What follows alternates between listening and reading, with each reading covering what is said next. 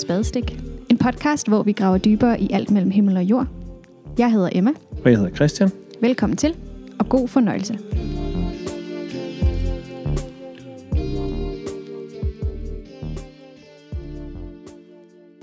Jamen, velkommen til endnu en episode af Spadestik. Og øh, i dag, så tager vi den øh, samtale, som, øh, som I jo alle sammen har ventet på. Øh, vi har øh, i de sidste øh, måneder øh, haft forskellige episoder ude, hvor vi talt om øh, sex fra forskellige vinkler.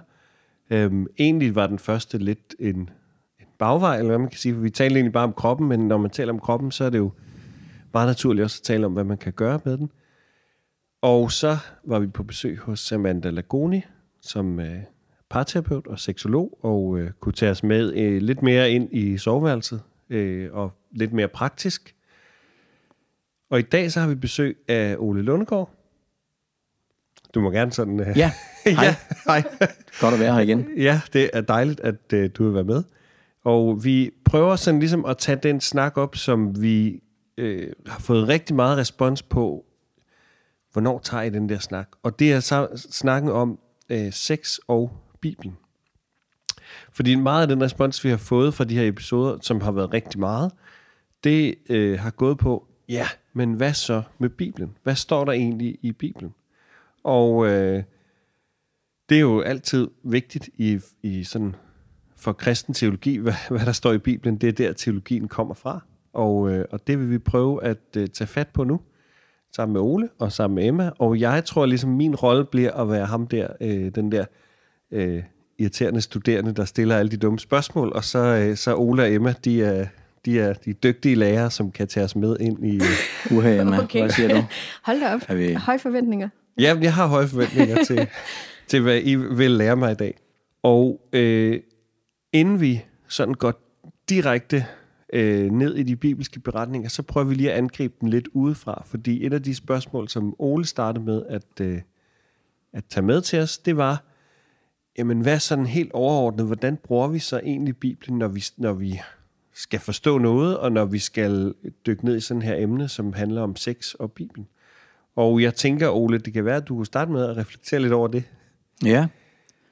Øh, Og måske skulle du lige præsentere dig selv, hvis ja, nogen ikke kender jeg godt. dig. Jeg hedder Ole Lundegård. Jeg er præst i Baptistkirken i Herlev her i København.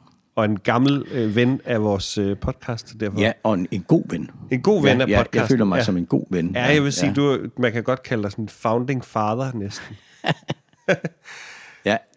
Øh, jo, jamen altså det du rejser der, det synes jeg jo er et virkelig, virkelig vigtigt spørgsmål, fordi vi må sige, når vi taler om seksualitet i dag, så taler vi om seksualitet på en helt, helt anden måde, end man gør i Bibelen. For os i dag, der er det, vi taler om det som en selvstændig ting, øh, som en del af vores menneskeliv. Øh, den er jo øvrigt, øvrigt også jo på, på mange måder løsnet fra forplantning, øh, fordi at, at det er muligt med kunstig befrugtning og så videre, fertilitetsbehandling. Så, så, så vi har også løsnet seksualiteten fra det der med at få børn i virkeligheden. Øh, både fordi vi betragter det som en, en integreret del og vigtig del af vores, øh, vores identitet, at vi er seksuelle væsener, og sex er et mål i sig selv, kan man sige. Øh, og sådan var det ikke i Bibelen. Øh, og når Bibelen taler om, om det seksuelle, så er det altid helt konkret. Så handler det om, om samleje, eller det handler om, øh, må kvinden have samleje, når hun er menstruation. Det handler om voldtægt, det handler om ægteskabsbrud, det handler om øh, afbrudt samleje, det handler om, om øh, diverse andre meget, meget konkrete ting. Men sex, sådan som vi taler om det i dag, behandles jo ikke i Bibelen. Det er jo ikke et tema. Det er den ene ting, jeg synes, der er vigtig. Den anden ting, jeg synes, der er vigtig, det er, at vi øh, er opmærksom på, øh, at Bibelen, om man så må sige, kanoniserer udvikling. altså, at Bibelen ikke repræsenterer et syn på alle mulige ting. For eksempel heller ikke et syn på det seksuelle. Øh, men, men mange syn, fordi det er en bog, der er, der, der er betalt over et tusindårigt spand. Og, og der er nogle tekster, der, er, der siger et, og der er nogle tekster, der siger noget andet. Så det der, men, men alt er jo kanoniseret. Det synes jeg faktisk er et ret vigtigt begreb. At, at Bibelen kanoniserer forskellighed, det vil sige, eller mangfoldighed. Så, så, øh, så Bibelen er ikke sådan en, en øh, entydig størrelse, men at i den, der har vi faktisk kanoniseret eller gjort normalt, at ting forandrer sig og udvikler sig. Det er normen. Mm. Og et eksempel på det, kunne jo være, inden vi kommer til det med seksuelle, kunne jo bare være sådan noget som gudsbilledet, hvor vi i, øh, altså det, det, det er jo næsten ikke til at harmonere gudsbilledet i Josvas bog, hvor Gud er den her hævner Gud, der vil udrydde alle andre folkeslag end Israel, øh, udrydde alle i Kanaans land, så Josva kan komme ind og, og besejre og indtage landet og, og slå alle ihjel, hedder det ikke også. Det er jo det er en folkemors ting, vi har der i Josvas bog. Øh, og så prøv at sammenligne det med Jesus, der siger, elsk dine fjender, og gør godt mod dem, der forbander dig, og vend den anden kendt til. Det, det, er, jo, det er jo en helt vild spændvidde der mellem de ting. Så, så, så Bibelen kanoniserer oven i købet udviklingen i Guds billede, kan man sige. Så det synes jeg egentlig er, er meget vigtigt, fordi at det, det fortæller os, at, at vi kan ikke tage, vi skal ikke forvente, at vi kan tage et vers, plukke vers ud, hister her, fra Moseloven, der handler om et eller andet med seksualitet, og så tro, at vi kan implementere dem i dag, eller vi skal det. Øh, fordi vi er nødt til at, at se, at jamen, der, er en, der er en udvikling, og vi er et andet sted i dag, end vi var dengang. Det springende punkt, som vi så ikke kan komme, undgå at komme ind på i dag, er så også, hvis der er en udvikling kanoniseret inden for Bibelen, er det så også noget, der fortsætter efter Bibelen, sådan at vi selv lever der, hvor vi siger, vi kan heller ikke bare tage vers, ikke bare fra Moseloven, men heller ikke nødvendigvis fra Nytestamentet, og så sige, that's it, det er det, vi har at mm. sige om seksualitet. Men vi faktisk stadigvæk må tænke i, at der er nogle, sat nogle kurs, nogle pejlemærker i det nye testamente, som peger os i en retning, men derude i den retning, der skal vi selv tage stilling. Der skal vi selv finde vores vej og træffe vores valg. Og vi har ikke bare et vers her og et vers der og et vers der at forholde os til at sige, nu gør vi sådan, som det står i Bibelen. Hmm. Et spændende sted at starte, og øh, det bringer os hen til det, som jeg har tænkt, når folk har skrevet til os, at øh, de godt kunne tænke sig noget med, hvad Bibelen siger. Øh, fordi når jeg, når jeg læser det, så tænker jeg, er du sikker på, at du godt kunne tænke dig at vide, hvad Bibelen siger om sex? Fordi for det første, hvor, hvor lang tid har man lige? Øh, vores, vores første bud var, at den her snak, den kunne den kunne snilt blive til to afsnit, men den kunne egentlig øh, blive til 15-20 afsnit, men det ved vi godt, det er der ikke nogen, der gider at høre. Altså, så, så hvor lang tid har man lige til at dykke ned i, i sådan nogle her ting? Og, øh, og det, som du siger, Ole, med, at vi ikke får et, øh, et eller andet vers her, som ligesom sætter det hele på plads, det gør jo, at vi selv må på banen og tænke og reflektere og tænke sammen og tale sammen. Og øh, det er måske den samtale, vi gerne vil prøve at bidrage øh, lidt til, og prøve at kvalificere lidt med nogle, øh, med nogle nedslag igennem Bibelen. Øhm, og dem øh, vil Emma sådan lige så stille tage os øh, ind i. Ja, det vil jeg. Ja, og det er jo... Hvor skal vi starte? Jamen, vi skal selvfølgelig starte helt i begyndelsen. Øhm, og ellers, så bliver det jo måske nok lidt som at, at skyde lidt med spredhavl, fordi netop som Ole siger, der står rigtig mange forskellige ting. Der kommer mange forskellige holdninger til, altså til ord, øh, og vi kommer nok til sådan at at plukke lidt rundt omkring og vise, at der står lidt forskellige ting, øh, uden at man nødvendigvis netop har tid til at gå ned i, i helt, helt, helt i dybden og snakke en hel episode om et enkelt vers. Øh, så det er det, der ligesom kommer til at ske, at vi tager fat i nogle forskellige temaer, nogle forskellige steder i Bibelen, og snakker lidt om, hvad siger de, men også måske kan vi bruge dem til et eller andet i dag, og ja, hvad gør vi egentlig med det? Fordi der er nogle, selvfølgelig nogle vers, som er lidt svære at læse i dag. Ja. ja. Øhm, og sådan er det jo med bibelske tekster, og der må vi jo finde ud af, hvad gør vi med dem? Øh, men ja, vi starter selvfølgelig med begyndelsen i skabelsesberetningerne, som jo på mange punkter er sådan traditionelt set tolket som, de sætter rammen for, det er sådan her, man gør. Det er ligesom det, der er udgangspunktet. Og så kan man jo så sige, så kommer der noget udvikling, og ting sker, men der er rigtig mange, der altid, når det handler om køn, når det handler om sex, når det handler om ægteskab og parforhold, hopper tilbage til skabelsesberetningerne. Og vi har jo faktisk to Øhm, og de, de, altså, ja, de er lidt forskellige, for først har vi den, hvor at der står, at Gud skabte mennesket i, i sit eget billede, og så står der, at også som mand og kvinde skabte han dem. Og der er det jo en lille fun fact, er, at når man læser der, så i den, hvis man læser den hebraiske tekst, hvor den, på dansk står der, at han skabte dem som mand og kvinde, mens at på, på hebraisk står der faktisk mandligt og kvindeligt. Og det er jo bare sådan, måske en lille fun fact for nogen. For nogen kan det være, at det betyder rigtig meget, at det er det, der står. Og det er jo måske også en, en længere snak. Men det er i hvert fald en sjov lille nuance, mm. som nogen i hvert fald kan nyde godt af. Men altså, der står her, i Guds billede skabte han det, som mand og kvinde skabte han dem. Og Gud velsignede dem og sagde til dem, Bliv frugtbare og talrige. Opfyld jorden og underlæg jer den. Her skal havets fisk, himlens fugle og alle dyr, der rører sig på jorden. Og der er jo alt muligt på spil her, som jo ikke bare handler om parforhold og sex. Men der er i hvert fald noget her, som du nævnte tidligere også, Ole, netop med forplantning. Mm. At det er som om, at det, det fylder rimelig meget her. Mm. Øhm, ja. Hvor i dag, der er det lidt løsrevet, som du selv nævnte. Ja. Jeg ved ikke, om du ellers sådan... Jo, det, det, det er rigtigt. Og det, i det hele taget må man sige, at, at, uh, i, i, uh, at Gud i det gamle testamente er jo helt vildt meget optaget af sex. På den måde, at han er optaget af slægtens forplantning. Mm. Det, er jo, det er jo der, vi hører en masse historier også om barnløse kvinder, der skal få det her barn og så videre. Så, så børnefødsler betyder vildt meget. Uh, og vi ved det også fra jødisk... Øh, øh, traditioner, og som vi også har i det gamle testamente, med, med de lange slægtstavler. Ikke? Så forplantning er rigtig, rigtig vigtig. Øh, og, og, og det er jo også en del af, af, af skabelseshistorien, øh, er ikke, at de så får, får børn, Adam og Eva. Men jeg tror ikke nødvendigvis, at, øh, at det er den eneste pointe i den der skabelsesberetning. Jeg tror også, det der med det mandlige og det kvindelige, mm. øh, hvis man sådan tænker på den kultur, øh, teksterne er blevet til i, og, og det miljø, øh, som har været i, i den verdensdel, hvor, hvor, hvor teksterne er blevet til, så læser jeg det også som en, en måde at, at, øh, at understrege, at kvinden er lige så meget skabt i Guds billede som manden. Fordi vi er i et meget, meget stærkt patriarkalske tider. Så at han skabte dem som mand og kvinde, er en måde at få sagt på, at, øh, at, at kvinden er skabt på lige fod med manden. Ikke? Det er sådan en lille smule anderledes i den anden skabelsesberetning, ikke? Mm, også som, som ja. øh, du nok også kommer til. Øh, ja, og så er der også, der er også noget at sige, men det kan være, at vi kommer tilbage til det. Nu vil jeg ikke øh, bryde for meget ind i, det, du, i din plan, men, men vi skal ind på det der med, på et tidspunkt skal vi ind på det der med, at, at han skal forlade sin far og mor og holde sig til sin hustru. Mm. Øh, den, den, der, der er nogle flere vinkler i den, som vi lige skal mm. ind på også.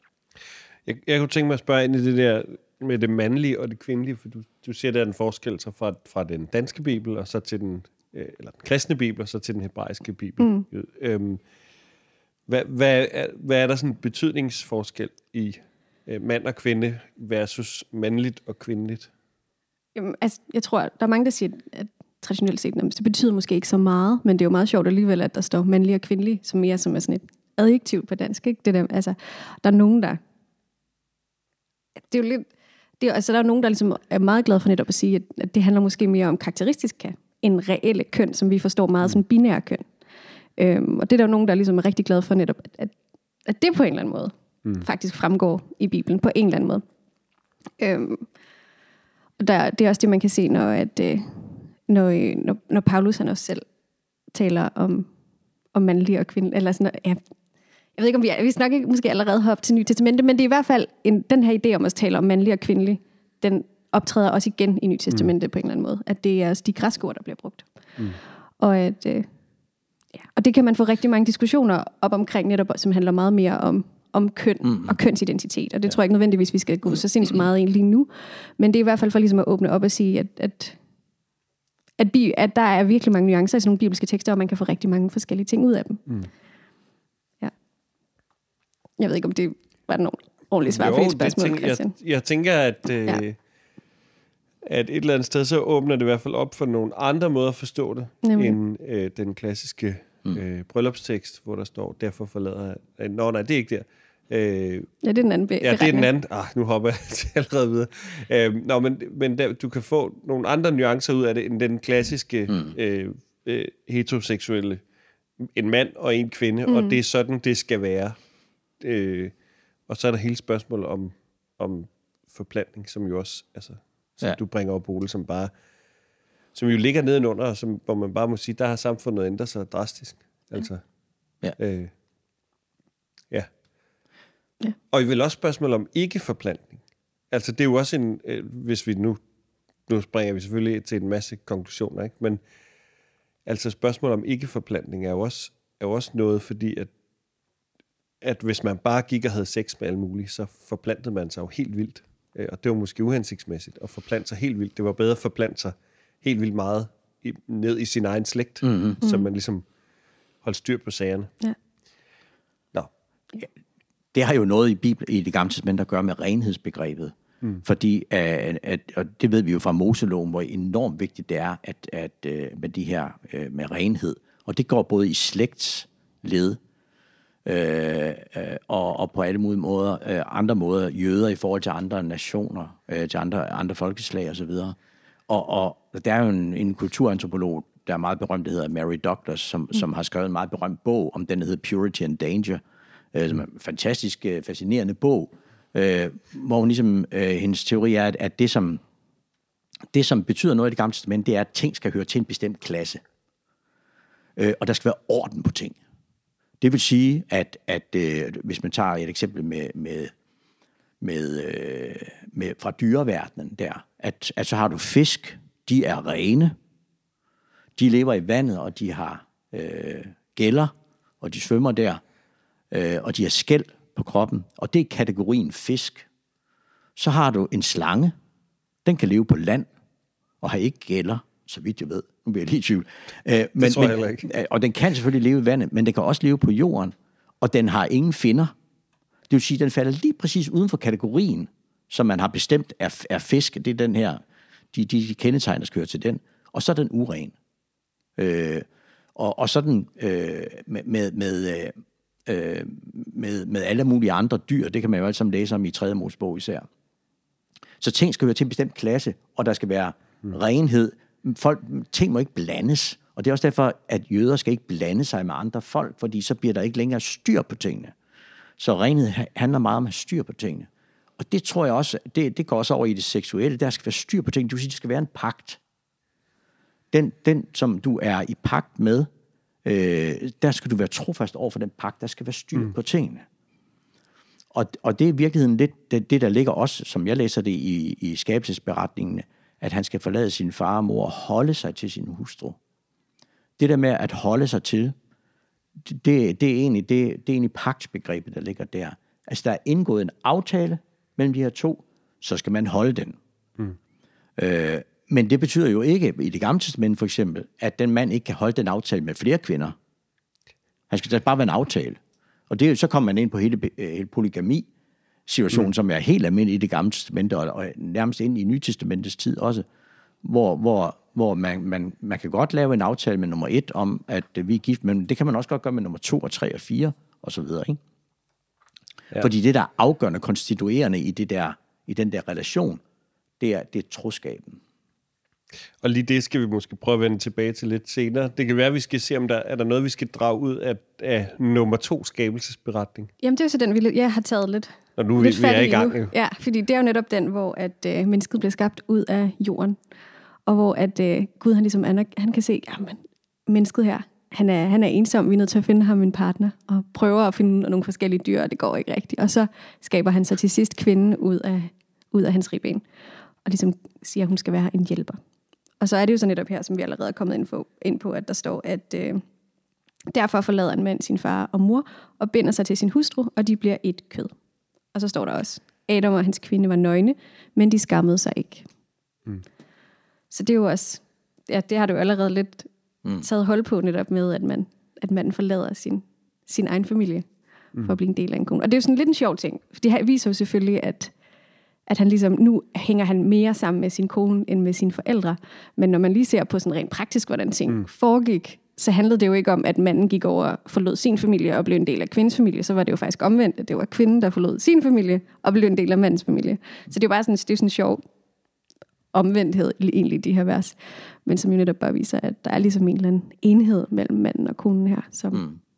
som netop er, som du allerede snakkede om, Ole. En eller anden form for aftale, noget troskab. Ja. Om det er en decideret som man siger, start på det, vi forstår som ægteskab. Det kan jo nok diskuteres. Ja, det kan det. Men øh, det kan det. der er i hvert fald noget her med en, en troskab mellem Ja. to mennesker. Og vi ved egentlig heller ikke rigtig helt præcist i gamle testament, hvordan et ægteskab det blev indgået. Der er ikke nogen, nogen øh, love eller noget omkring det. Nogle ting kunne tyde på, at det er det, at en mand og en kvinde finder sammen, øh, og så laver en aftale. Øh, deres familier imellem, Ja. øh, kunne man tænke sig. Men, men der er ikke noget, der står ikke noget klart om det. Og der er heller ikke som sådan, så vidt jeg forstår, heller ikke noget ord, der ligesom, vi har jo i dag, vi har kvinde, men så har vi også kone og hustru, og sådan nogle ting. Men der, der er det, der er ordet kvinde, og så er man Abrahams kvinde. Ja. Altså, der er ikke på den måde, altså, der er ikke på den måde den der forskel, rent sprogligt på, om man er gift eller ej. Selvom der er jo, ja, Altså, altså, så der findes ikke noget ord i det gamle testamente for ægteskab? Eller hvad? Nej, jeg ved ikke med ægteskab, men i hvert fald ikke, ikke, ikke meget bekendt. ikke sådan den der, i hvert fald ikke den der kone husbund-agtige ord. Men jeg ved ikke Nej. lige med ordet ægteskab. Det gør det nok. Jeg tænker det bare fordi, at det er jo, det er jo rigtig meget, øh, altså vores sådan en klassisk kristen forståelse af ægteskab bliver jo ofte argumenteret fra Gamle Testamentet, og rigtig ofte ud fra de her vers. Så er det jo bare lidt sjovt, hvis det ikke, altså, hvis, hvis det ikke er der så tydeligt, som man måske... Ja, altså vi plejer i hvert fald at bruge det som argument for det monogame ægteskab.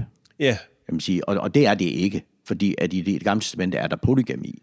ja, Mm. Altså, så, så, så en, en aftale skulle bare holdes hver gang, man indgik den. Øh, Det, når man laver en aftale med kone nummer to, betyder det ikke, at, man, at aftalen med kone nummer et bliver ophævet. Så, så det, er en, det er en helt, helt anden verden omkring de her ting. Det er også det, vi begyndte med at tale om. ikke? Altså, det, det, det, det er svært at tage ting derfra og føre direkte mm. over i vores verden. Fordi det er altså nogle andre forestillinger. Ikke? Mm. Ja.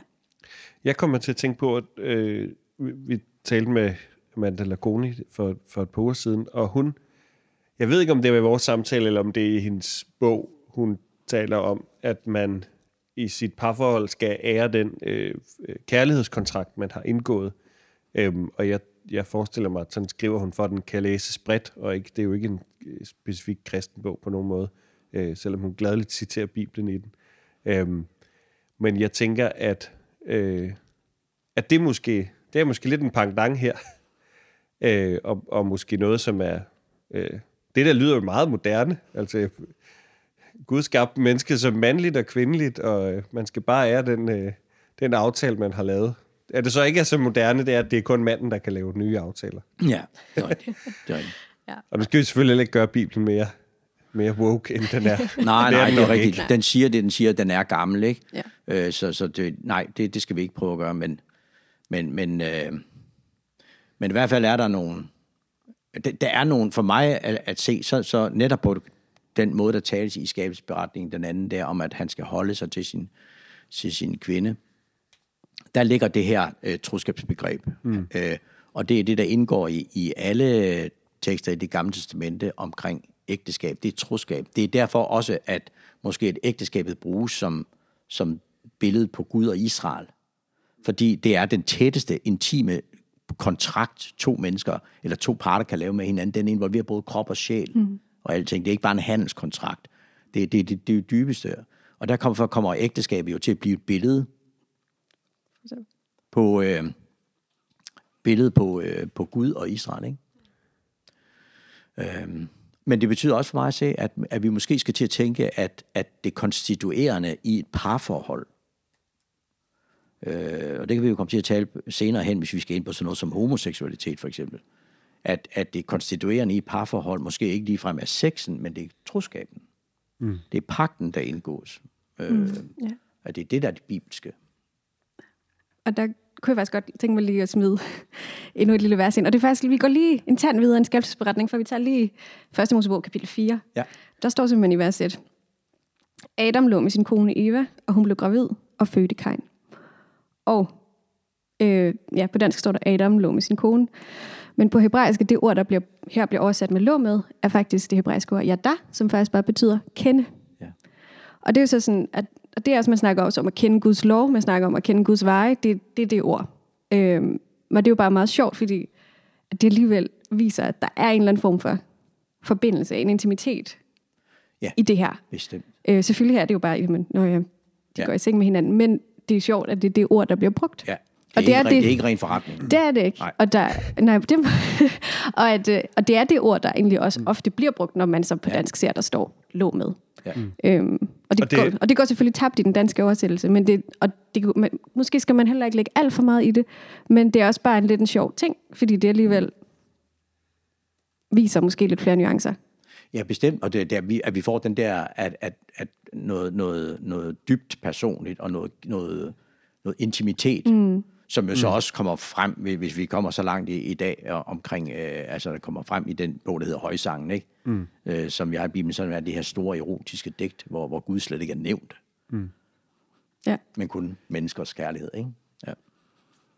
Ja. Ja, og kommer så langt. Det kan være, at vi skal prøve at gå lidt, uh, gå lidt videre. Ja. Jamen, jeg kunne faktisk, jeg har lidt tænkt, måske faktisk at tage fat i en af de der tekster, som virkelig ikke er særlig sjove. Ja, Øhm, det lyder godt. ja, i 5. Mosebog, kapitel 22, øhm, som simpelthen handler om kvinder og deres mødom, eller jomfrudom. Og vi har lidt allerede været inde på det, fordi det der med slægten og forplantningen.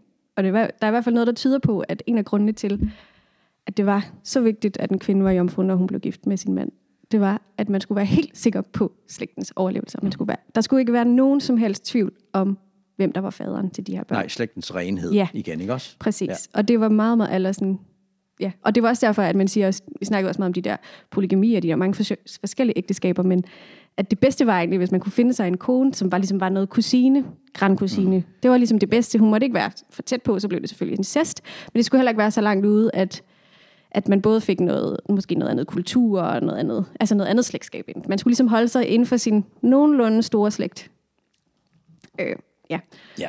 Så, og der har vi simpelthen et, øh, et kapitel i 5. Mosebog, som handler om øh, netop om, om, at kvinder skal være jomfruer, når de bliver gift, og hvad må manden gøre, hvis det er, at han tvivler på, at hun har været jomfru.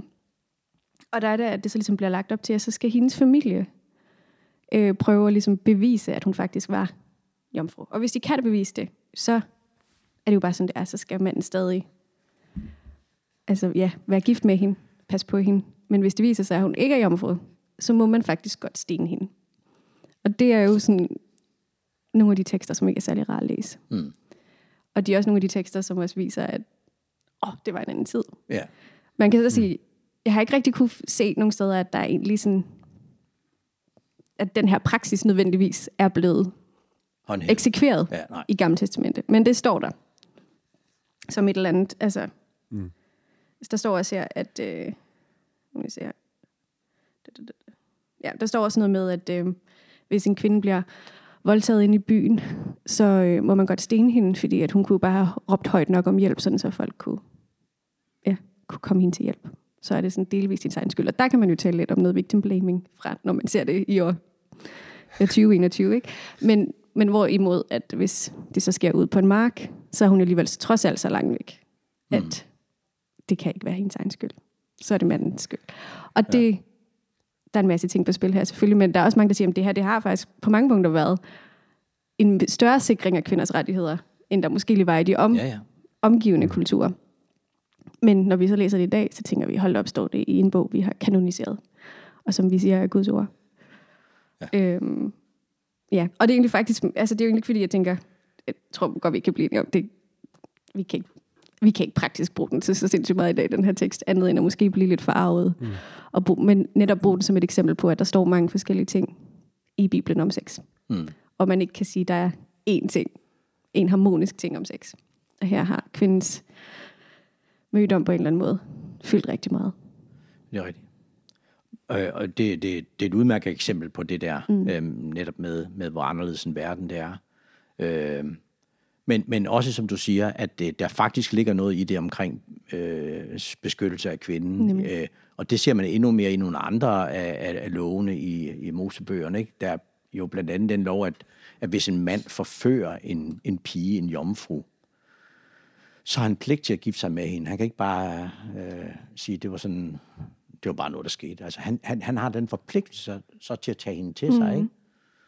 Ikke? Øh, og og, og øh, at hvis han voldtager hende, det, er- der, der bruges begge ord forføre og voldtage i et par tekster der. Og forføre, der kan man måske tænke, at de måske er kærester eller sådan ting, og så, så vil han i seng med hende, før de egentlig har indgået aftalen og sådan noget.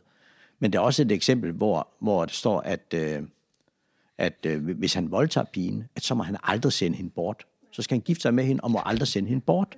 Det er så ikke sikkert, hun synes, det er super. Nej, nej, nej, lige præcis. Men det er jo fordi, at hun skal tages af på en eller anden fasong.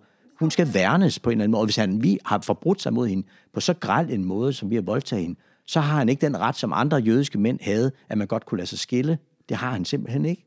Så der ligger også, også nogle i de her meget fremadrettede love, som handler om en, en, et højere beskyttelse af kvinden, end, end var almindeligt i, i mm. de kulturer. Så man, så man kan sige, på, på mange måder, så er nogle af de ting, som vi tager frem nu, det er jo sådan nogle, hvor man på den ene side hurtigt kan blive forarvet, øh, og, og måske komme tilbage til det, som du startede med at sige, Ole, at Bibelens tekster er meget og meget gamle, og er i alle mulige retninger. Øh, så, så det der med, hvad siger Bibelen egentlig, og hvordan kan vi bruge den, det er ikke så lige til. Øh, men det andet er, som jeg også kommer ind på, det der med, at, at nogle af de ting, som vi kigger på i dag, og tænker, det var da forfærdeligt, øh, det har faktisk været et mega progressivt fremskridt øh, i, altså for eksempel i ligestillingens navn, eller altså det, det har været en, et kæmpe skridt frem for, for kvinder, øh, ja. at, at deres voldtægtsmand skulle, var tvunget til at skulle gifte sig med hende, øh, selvom det i dag lyder fuldstændig absurd. Mm. Øh, mm. Og det har været et skridt frem, at man dog blev regnet som øh, uden, uden skyld i det, hvis man blev voldtaget på en mark. Øh, det, ja, ja. det har måske været... Øh, så, så det synes jeg, det, det viser sådan ligesom de to sider, der hele tiden er, at på den ene side er, den, er det en ekstremt gammel bog, mm. Som en til en virker af og til, ofte, nogle gange, fuldstændig vanvittig. Og på den anden side, hvis man så går ind i, prøver at gå så meget ind i den verden, som man nu kan, så ser man nogle, nogle andre ja. mm. nuancer. Og det er måske dem, vi kan bruge, når vi siger, hvordan handler vi bibelsk i dag. Nemlig. I stedet for at sige, der er et vers, der står sådan her, nu skal jeg læse op for dig, mm. da, da, da, da, da, da. Øh, så skal vi gøre sådan. Mm. Det er der ingen af os, der gør. Jo, samtidig kan vi finde, ud, finde på at plukke et vers her og der, mm. som stemmer med vores teologi, og så mm. bruger vi det, men vi siger alt andet fra. Men i sådan nogle tekster der, kan vi så sige, jamen der ligger noget gemt her omkring beskyttelse mm. af den svage, som vi også ser mange andre steder i det gamle testamentlige love, og som vi tager med ind i Nye Testamente også. Øh, så, så det er der, der ligger et eller andet pejlemærke for mm. os, at, at, øh, som vi kan bruge. Ikke? Ja. Hmm? Og, ja, hvis man, og det er jo, vi nu snakkede netop om låne, at når vi så også lige for eksempel ser på de 10 bud, hvis man lige tager der, hvor den står i øh, anden Mosebog, at der står, at du må ikke begære din næstes hus, du må ikke begære din næstes hustru, hans træl eller trælkvinde, hans okse eller æsel, eller noget som helst af din næstes ejendom. Og øh, det vidner jo netop også bare igen om, at, ja, at, at det var en anden tid, fordi her bliver konen ligesom, hun bliver smidt ja. ind sammen med æslerne og trællene, og hun er, hun er ejendom. Ja. Og det er, at vi skal huske netop, at, at det her det er et dybt patriarkalsk samfund. Ja. Og det er det, der skinner igennem. Så der er helt klart, når vi kigger på det i dag, så tænker vi, hold op, det er jo forfærdeligt, at, at, at kvinder måske havde det på den måde. Ja. Men det var, bare simpelthen, det var simpelthen sådan, det var dengang. Og der kunne godt alligevel være noget progressivt inden for det system. Mm. Stille og roligt, der ja, det bevægede sig. Det kunne ja. Men vi er i en verden, hvor ægteskabet faktisk kører under, under retslovgivningen, mm. øh, og ikke sådan en eller anden selvstændig øh, ting. Øh, også hvis vi tager en, en anden lov, at, at, at hvis en, en, en mand forførte en pige, de var kærester, men han, de endte så med ikke at ville være sammen, så skulle han stadigvæk betale brudlønnen, til, eller brudprisen til faren, ikke? fordi pigen var jo farens ejendom. Så, så ja, en anderledes verden.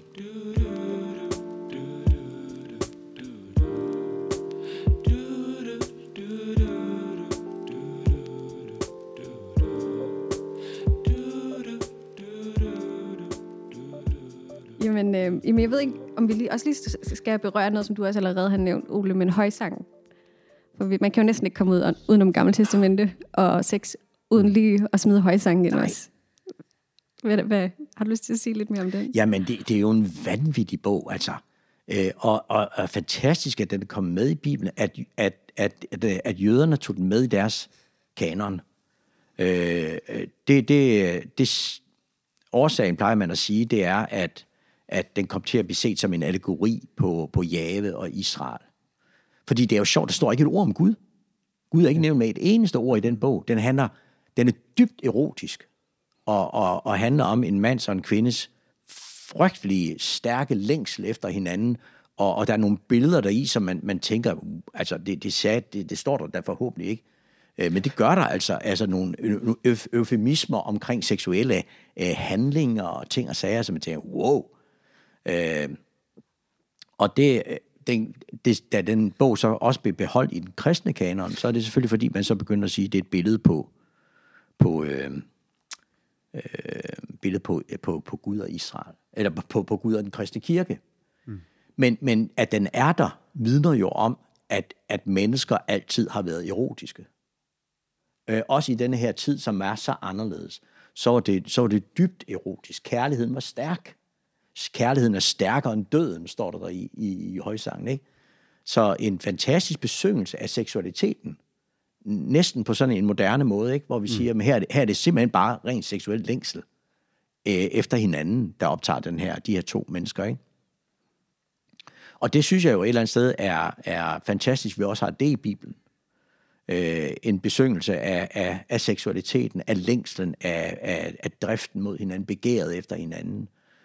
Øh, og øh, øh, dermed også ligesom en, ja, hvad kan man sige, den kristne kirke har haft meget øh, øh, negativt syn øh, på, på seksualitet igennem øh, store dele af vores historie. Ikke? Det stammer helt tilbage fra de første tider jo. Mm. Øh, og, og, og det er jo en, og det, det har man kun fastholdt, fordi man sagde, at den der bog handler ikke om det. Den handler om, om Gud og, og den kristne kirke, om Jesus og kirken. Men, men, men, men det gør den altså ikke. Det er en, det er erotisk novelle, øh, som vi har midt i, i Bibelen der. Mm. Og det vil også, man kan sige, Gamle Testamentet, det der begreber med skese og afholdenhed, som vi ser, der går lidt op i Nye Testamente, at det, det ser man jo slet ikke på samme måde i Gamle Testamente. Det er jo netop, vi har en erotisk bog, ja, som fejrer det. Og, men det er jo kun i højsang, der kommer jo, det kommer, altså selvom alt, hvad jeg har sagt om kontrakt og mm. ting og sager, som kan lyde meget forretningsagtigt, så er der jo masser af de der, han kendte sin hustru, øh, mm. udsagn, eller om, om, om øh, vi kan se det i, også i patriarkernes historie, om Jakobs dybe kærlighed til, til Rakel, ikke? Øhm, øhm, og, øh, øh, og han får så Lea først, ikke? Bliver snydt af sin, sin onkel Laban der, ikke? Som han virkelig er, Laban. Er en Laban, ja. Men, men, men at, at forelskelse og dyb længsel og kærlighed, det er der i masser af historier i det gamle testament, også midt i det hele, ikke? og, og er jo en flot øh, bekræftelse af, at, at det her det er et essentielt del af vores menneskevæsen. Mm. Ja. Det kan måske give mening så også lige at lidt runde af med netop hele det her tema netop omkring troskaben. Øh, men og hvordan at, at forholdet netop mellem Gud og folket er, bliver set som det her troskab, det her en eller anden form for ægteskab, og det er folket jo ikke altid særlig gode til at holde øh, hvor det, at især i de små profetbøger i, øh, i Gamle Testamentet, hvor man netop snakker om, at, at sådan nærmest, at israelitterne, de horer sig væk fra Gud. Ja. At det er netop deres afgudstyrkelse, bliver jo ligestillet med en form for utroskab. Og det handler måske også om, at man ligesom også så seksualitet som også en del af sin gudstyrkelse. Så når man også, når man begyndte med noget afgudstyrkelse, så blev seksualiteten også, altså det blev noget helt andet, ikke? Jo. Og der er det jo, at der er det jo også et tema, der går igen flere gange, at, at folket er utro. Ja, det er præcis. Og, det er jo, altså det, og der er det jo sjovt, at det, det er det billede, der bliver brugt. Altså, det er jo... Men det, der, der tror jeg, som man siger, at det, det er så... Øh, det er så ikke så meget den, den seksuelle drift, mm-hmm. der er i centrum der, men Nej. netop kontrakten. Ikke? Præcis. Nu går I ud og laver... I er, vi har en kontrakt, mm. Israel og Jave. Vi har en kontrakt, det skal I huske. Nu går I ud og laver den med alle mulige andre guder.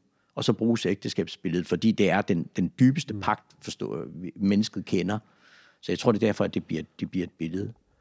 Øh, der er jo også den der øh, øh, historie, altså i Hoseas bog, Nemlig, ikke? Ja. som øh, er Gud for besked, nu skal du lave den her, nu skal du lave en happening.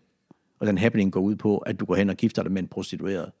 Og så skal alle folk spørge, hvad, hvad laver du? Og så siger han, det er fordi, det er det, I gør. Ikke? Mm. Så, ja. Og sådan ja. lidt, lidt specielt, øh, specielt brug af ægteskabet. Lige. Ja, det må man sige. jeg, jeg kan ikke lade være med at tænke, er der ikke også øh, sådan... Øh, der fandtes jo rigtig meget øh, religion ud over jødedommen, og rigtig meget sådan, altså religiøsitet. Øh, var der ikke meget af det, som, nu spørger jeg, fordi jeg tror, I ved mere, som, som også var knyttet op på forskellige altså, seksuelle udskejelser og sådan nogle, sådan nogle fester, som, øh, som vist ikke, som hvis nutidens, øh, hvad hedder det, bordeller, de, de, øh, de når dem ikke til sokkeholderne. Mm. Øh, altså, og som også var bundet sammen med sådan en eller anden religiøs styrkelse, altså simpelthen sådan nogle, altså, øh, ja. Jo. altså sådan nogle blanding af gudstjenester og sexfester, hvis mm. vi nu skal sådan... Øh, og, og spiller det ikke også ind i, i sådan øh, jødedoms respons til det, øh, i, de, altså også med deres kasser og deres renhed på, på en eller anden måde? Jo, det, det gør det. Altså den kananæiske religion, som er den, som, øh, som øh, Israel mest er i konflikt med, øh, og lever midt i. Altså, vi skal nok heller ikke forestille os helt, at den der be- besejring af, af landet, som de går ind i, som vi læser om i Osfa, det betyder, at altså nogle tekster ser ud som om, så er alt andet væk rundt omkring mm. dem, og de lever, nej, de lever sammen og tæt på hinanden. Og derfor er jødernes øh, fristelse til samtidig at gå over til noget kananæiske ting og tage det med ind, at, at, øh, at den der ligger lige for det, det, det varme hjørnet, altså. Mm. Øh, og, og der var mandeprostitution for eksempel, ikke? Øh, en del. Og, og altså, den kanadiske religion er jo, Baalskulten er en frugtbarhedsreligion. Mm. Og det vil sige, at den seksuelle akt rituelt var en, var en del af det at dyrke Gud. Øh, og det, det var samtidig... Altså, man havde så templer, hvor, hvor der var, hvor der var mande prostitueret, ikke? Og det er jo noget, vi også læser i nogle gammeltestamentlige tekster, at finder sted i Israel, og hvor, hvor Gud så fordømmer dem for, at de har, de har indført mandeskøge og så videre. Ikke? Så, øh, så, så det er helt sikkert også, øh, øh, ja, det, det har noget at gøre med det samme, det her, at, øh, at øh, når de går ud og blander sig med de andre folk og deres religion, så, så fylder alle de her andre seksuelle ting med. Og, øh, men de skal holde sig rent kan man sige. De skal holde sig til det, der er givet dem. Mm. Det er vel også noget det med kong Salomon, som jo har masse koner og mange hundrede elskerinder. Ja. At problemet er jo ikke nødvendigvis antallet. Det handler om, at der er rigtig mange kvinder, som ikke er israelitter.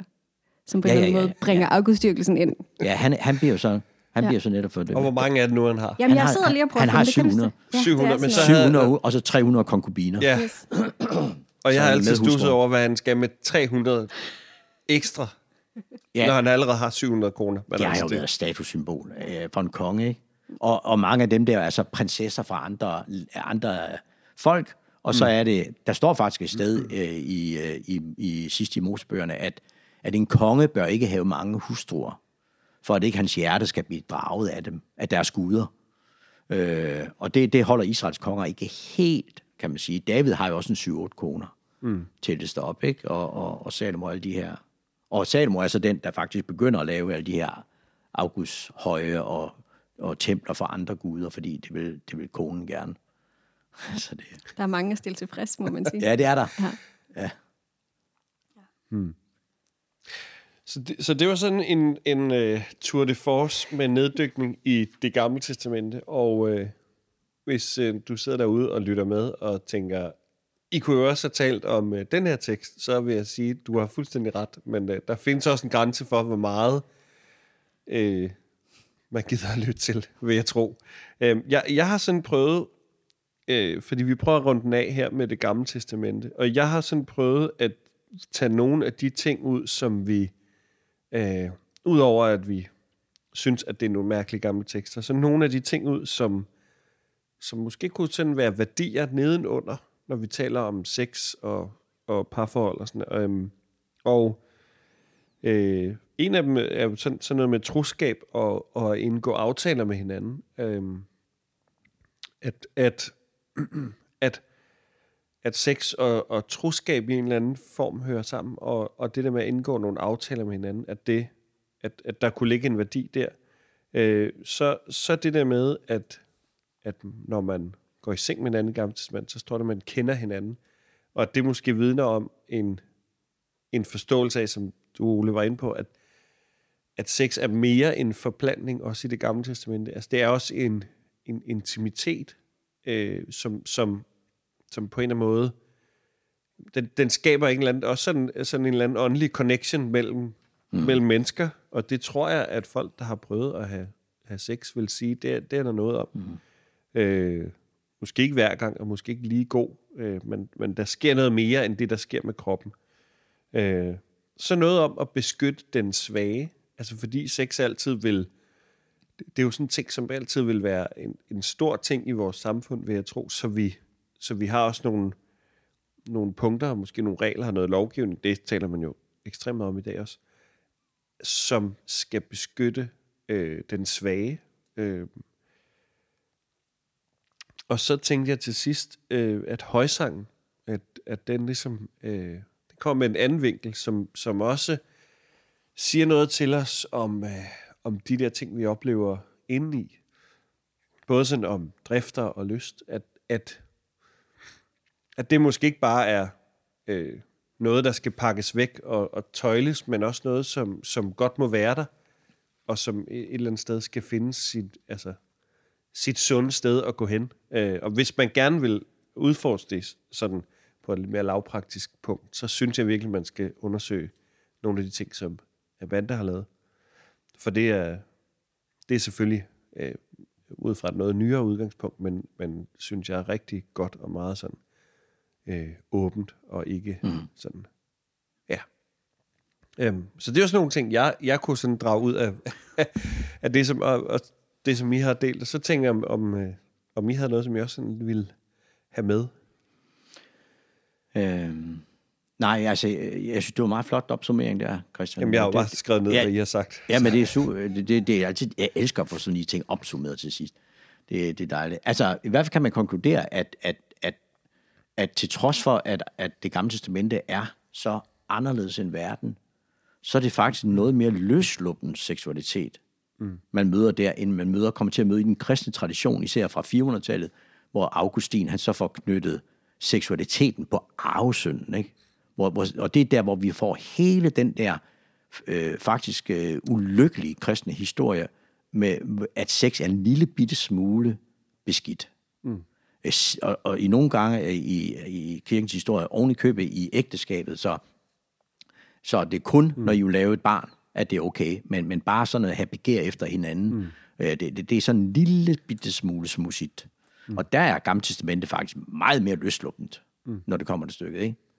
Øh, så der kunne vi godt lære noget af det Gamle Testamente. Fordi vi har, vi har en lidt... lidt øh, vi kæmper stadigvæk med en kristen tradition, mm. som har, har gjort øh, seksualitet til noget, man nærmest skulle skamme sig over. Ikke?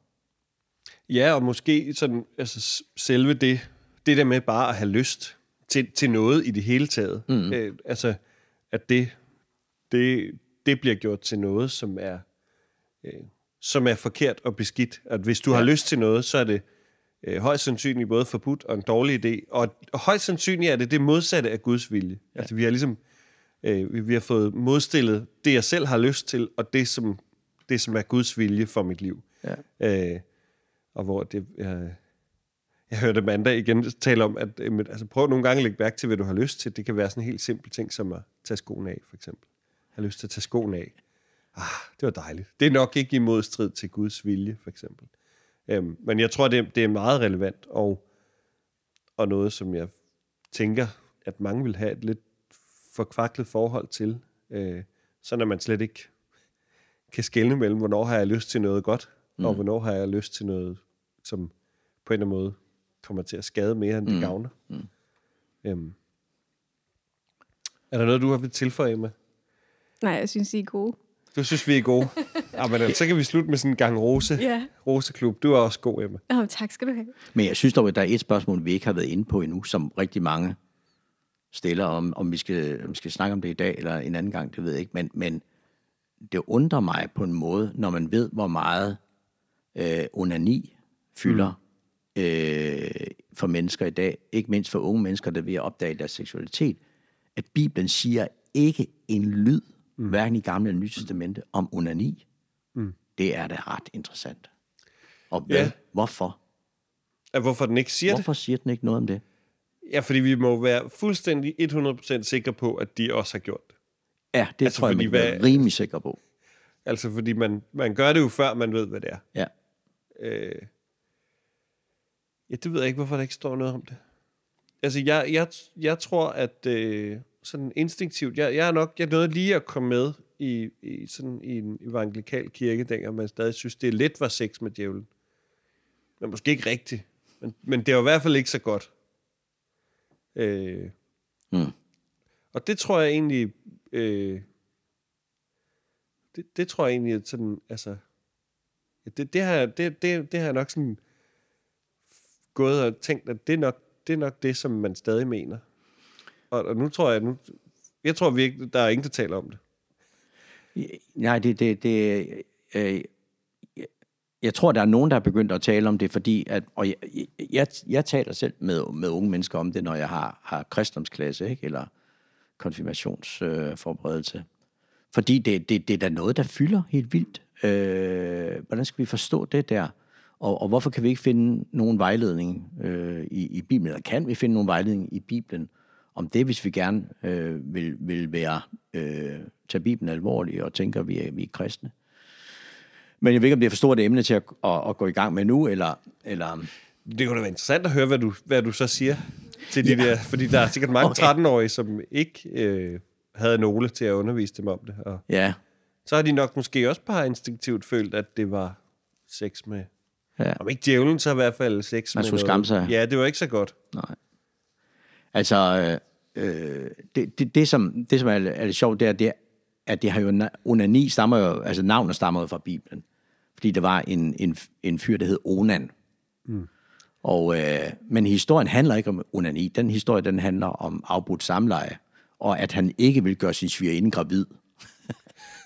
Så, så det, det, god, det, god beslutning. ja, nej, men det skulle han. Det er jo det, der er. Det er fordi i det gamle testament, vi, vi har det her såkaldte levirat ægteskab. Det vil sige, hvis en, hvis en mand mm. døde uden at have fået børn med sin kone, så skulle hans bror gøre konen gravid. Øh, fordi, og det er igen det der med slægten, at slægten skulle videreføres, og, og han, hans navn, øh, så, så, så barnet vil blive, øh, kan man sige, den afdøde brors barn. Ligesom en, en, en, en kvinde kunne gå ind og føde et barn til sin søster, hvis hun var barnløs. Eller en slavekvinde, det læser vi om i patriarkhistorien, mm. en slavekvinde føder, øh, Hagar føder Ismail til, til Abraham, ikke? På, for, fordi Sara ikke kan få, få børn øh, på det tidspunkt der. Øh, så, så det, er en, det er en meget speciel historie, og, og øh, af en eller anden årsag, vi får ikke årsagen. Måske har de bare været sure på hinanden, Onan og hans bror. Jeg kan ikke lige huske, hvad, hvad broren hed. Øh, måske har de bare været sure, og siger, nej, han skal ikke have et barn. Jeg, jeg laver ikke et barn på min svigerinde, fordi, fordi at, øh, jeg er sur på min, min, min bror. Hmm. Så, så, øh, så under samlejet, når han skal til at have udløsning, så trækker han sig ud og spilder sæden på jorden, som der står. Så, så det vil sige, og, så, så det er, og det er det, han fordømmes for af Gud, mm. det er, at han ikke går ind og gør sin svigerinde gravid. Og det vi er igen inde i noget anden verden her. det må man sige. Øh, så det er det, der er problemet, det er, at han ikke vil opfylde sin pligt om at gøre sin svigerinde gravid, så navnet kan... Så, så, med, så, med, og så har, så har det fået navn efter ham, selve ordet onani, men det handler ikke om selvtilfredsstillelse, eller lære sin krop at kende seksuelt. Mm. Og, og når du spørger, at, at man er helt sikkert, eller siger, at man er helt sikkert kendt til det dengang, øh, hvorfor står der så ikke noget om det i Bibelen? Er det fordi, at man vidste, at det var, øh, det var ikke øh, muligt at sige noget om det, eller man tænkte, det må vi hellere lade være med at sige noget om, fordi alle gør det, eller, eller det var ikke noget problem. Det er en anden mulighed, ikke også? At man ikke anså det som noget problem. Øh, der er, der er nogle historier om, om, øh, om mænd, der får natlig sædafgang, at de er urene. Altså får gang i drømme eller noget andet, at så de urene, så skal de gøre noget for at blive, blive kultisk rene igen. Men det er også noget lidt andet. Så, så, øhm, så, så det vil sige, at her er vi nødt til at finde vores vej. Hvad skal vi gøre? Hvad skal, hvad skal vi? vi har ikke noget bud i Bibelen her. Hvordan Hvordan skal vi takle det som moderne mennesker? Øh, og da, øh, det, som, det, som jeg plejer at tale med, med de unge om, det er at prøve at afdramatisere det lidt. Altså sådan at sige, at ingen skal føle skam over, øh, at, at, at man skulle lære sin krop at kende, og det var en del af det. Øh, og øh, jeg øh, synes ikke, at nogen skal føle skam øh, over onani. Øh, men jeg, kan, jeg synes måske, hvis vi sådan går lidt videre, at, at, at, øh, at det kan være uheldigt i ægteskaber, medmindre det er en aftale, om man så må sige, man, man har lavet med hinanden, at, at det kan man gøre. Øh, så det ligesom er, er åbent, fordi hvis det bliver noget skjult, som den ene har i forhold til den anden, så kan der komme noget usundt ind i det, som, som kan ødelægge det for ægteskabet på en eller anden fasong. der kan igen komme noget ind omkring den svagere part eller sådan noget, hvis den ene trækker sig fra den anden, i stedet for at få talt tingene igennem. Øh, så derfor tror jeg, at, at øh, sådan som en, en, en, en lang praksis i et ægteskab, kan det godt være problematisk.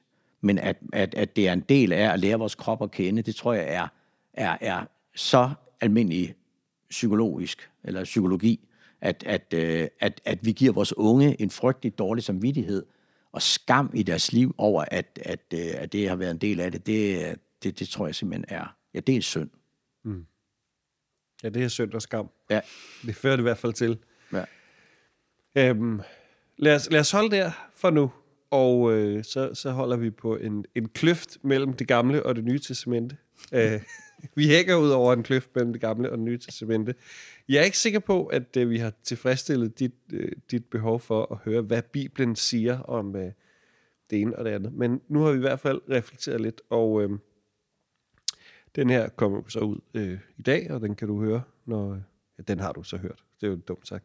Men altså, øh, så, så går der en uge, og så sender vi anden del ud, hvis alting virker, hvor vi dykker ned i det nye testamente, og øh, der serverer dig svaret på, hvad skal du så mene om sex? øh, ud fra et kristent synspunkt. Så vi skal fik vi det til ikke den her uge, Vi men, skal til at forberede Ja, sig, ja, vi. Emma. Ja, vi. ja, og især fordi vi skal optage det næste episode om 10 minutter.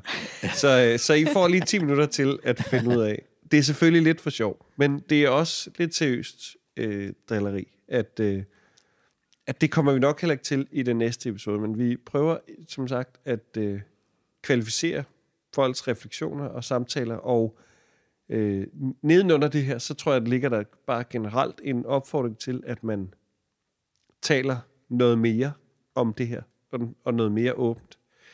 Så, så det vil vi gerne øh, byde ind i forhold til.